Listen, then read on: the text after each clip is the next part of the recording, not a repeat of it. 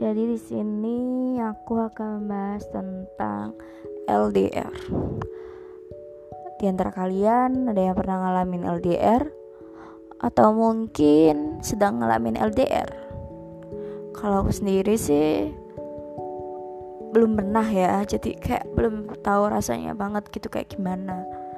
Cuman kalau aku lihat dari teman-teman aku yang pernah ngalamin LDR, mereka sering curhat katanya LDR itu nyesek.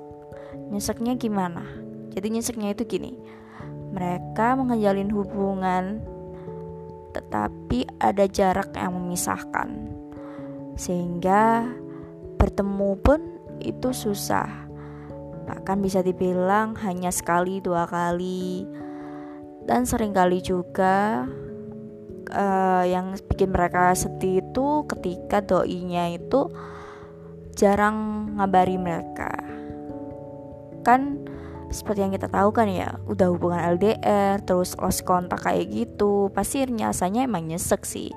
Nggak tahu lagi kalau aku misalnya berada di posisi tersebut. Ya jangan sampai sih ya. Jadi buat kalian yang jalanin LDR saran aja sih ya khususnya buat cowok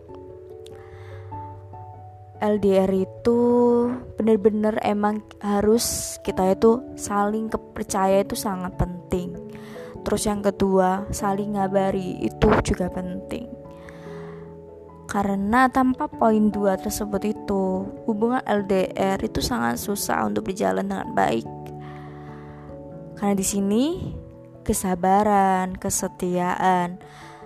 Kalian semua itu diuji di situ. Kalau kalian belum siap akan semua itu, saran aja mending gak usah LDRan.